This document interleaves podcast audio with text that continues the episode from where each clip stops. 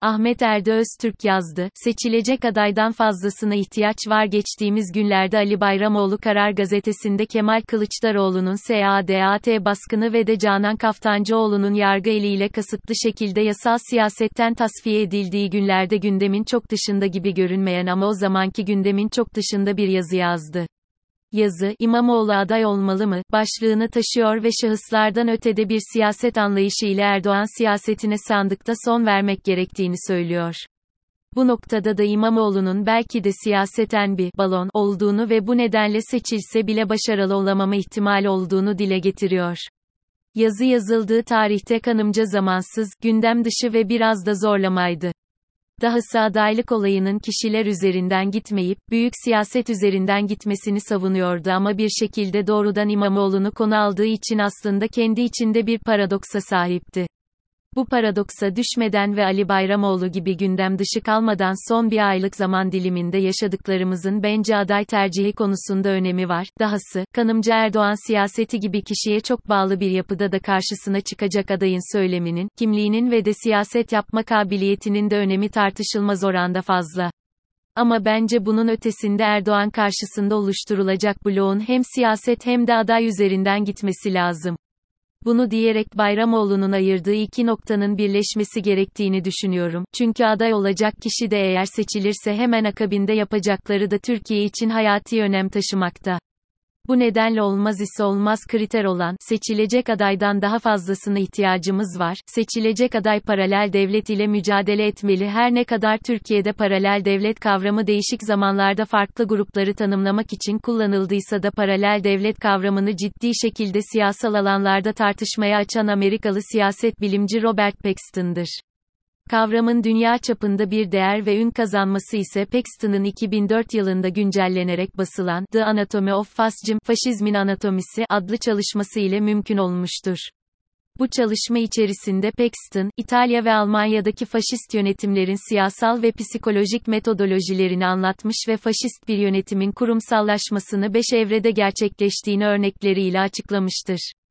Bu beş evreye ve de örneklere hiç girmeden şunu söyleyeyim, Paxton'a göre paralel devlet, bir şekilde devleti kontrol eden baskıcı yapı tarafından kimi farklı, meşru olmayan işleri yaptırmak için kurulur, kurulması teşvik edilir ya da doğrudan desteklenir. Bu noktada, misal, SADATIN kuruluşuna, eski SADAT başkanının devlet içerisinde geldiği konuma ve şu andaki SADAT başkanının devletin güvenlik bürokrasisi, İslam ülkeleri birlikteliği ve de Türkiye'nin burada devlet kimliğini değiştirerek rol oynaması gerektiğine kadar birçok konuda söz söylemsi ve faaliyetlerde bulunması SADAT IPEX'inin tanımı içerisine sokuyor. Korkarım Kılıçdaroğlu'nun çok akıllıca bir hamle ile yeniden gündeme taşıdığı ya da birçoklarımızın bildiği ama konudan daha uzak olanların da yeni yeni öğrendiği bu yapı AKP'nin oluşturduğu paralel yapının ya da devletin sadece bir kısmı. Yargı içerisinde, bürokraside, emniyette ya da özel sektörde devlet ve de onu yöneten yapıya bağlı alternatif gruplar mevcut bizim her alanda olabilecek en iyi şekilde doluluğa sahip bir, seçilecek ama, kesinlikle seçilecek adaya ihtiyacımız var. Bu noktada seçilecek aday eğer seçilir ise bu yapılar bir anda kaybolmayacak. Aksine seçilen kişi bir şekilde hem iktidar hem de muktedir olmak için AKP ve onun değişik zamanda bir şekilde koalisyona girdiği Gülen hareketi, milliyetçiler, İslamcılar ve Davrasyacıların oluşturduğu alternatif ve de paralel yapılar ile de mücadele edecek. Kısacası işi hiç kolay olamayacak ve bu nedenle de kişi, kişinin cevvalliği ve de iş bitiriciliği kararlı bir siyasetçiyle birleşmeli. Kendini bu yapılara oyuncak edecek birisi seçilse bile tam anlamıyla iktidar olamayacaktır. Seçilecek aday Türkiye'nin kimliği ve imajını restore etmeli Finlandiya Cumhurbaşkanı geçtiğimiz günlerde Cumhurbaşkanı Erdoğan'ın Finlandiya'nın NATO üyeliği ile ilgili kendisine söylediği sözler ile mevcut veto söyleminin çok çeliştiğini ve de bunu anlamlandıramadığını dile getirdi.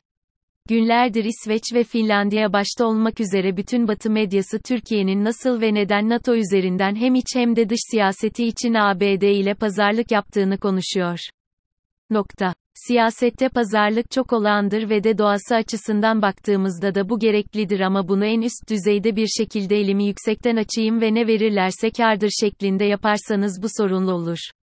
Dahası bunu yaparken bir yandan da devlet kimliğinin temel taşlarını dünyanın her yerinden değiştirerek din silahlanma ve de sübjektif bir tarih anlayışı ile politika üretirseniz tanımlanamayan ya da tanımlansanız bile olumlu tanımlanmayan bir ülke olursunuz.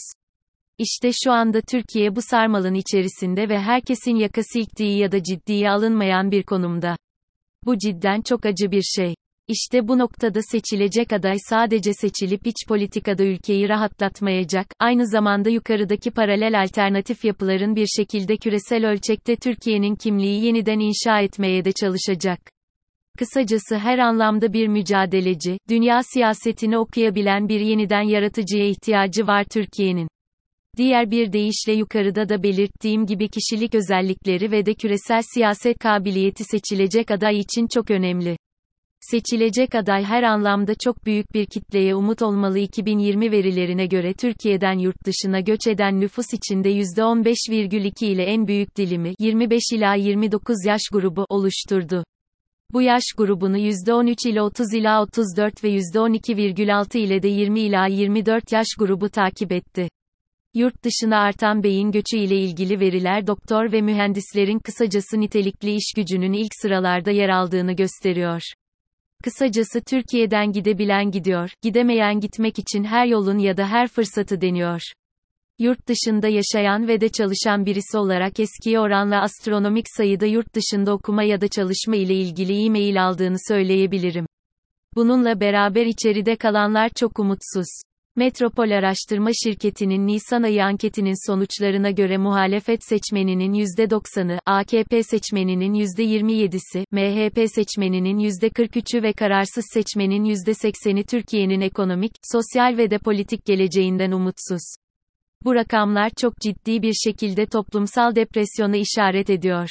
Seçilecek aday sadece seçilip iç politikada ülkeyi rahatlatmayacak, aynı zamanda yukarıdaki paralel alternatif yapıların bir şekilde küresel ölçekte Türkiye'nin kimliği yeniden inşa etmeye de çalışacak. Benzer bir şekilde, doğruluğu tartışmalı olsa da TÜİK'in yaşam memnuniyeti araştırmasına göre Türkiye'de 18 yaş üstü bireylerde 2016'dan beri mutluluk düzeyinde kaydedilen gerileme 2021'de de devam etti. Mutluların oranı %48,2'ye düştü. Bu mutlular yüzdesinin de ne oranda mutlu olduğu ayrı bir tartışma konusu. Ekonomik baskı, güvenlik kaygısı, kutuplaşma ve benzeri nedenlerin yol açtığı bu toplumsal depresyondan çıkmak için elbette yapısal reformlar ve bir atmosfer değişim şart. Bunun için de elbette iyi hazırlanmış bir plan program yanında da kitlelere umut olacak, onlar ile iyi iletişime geçecek onları anlayabilecek bir seçilecek adaya ihtiyaç var. Sonuç olarak Ali Bayramoğlu adayın ötesinde siyaset önemli demişti ama bence hem aday hem adayın özellikleri hem kadrosu hem de siyaseti çok önemli. Kısacası bizim her alanda olabilecek en iyi şekilde doluluğa sahip bir seçilecek ama kesinlikle seçilecek adaya ihtiyacımız var.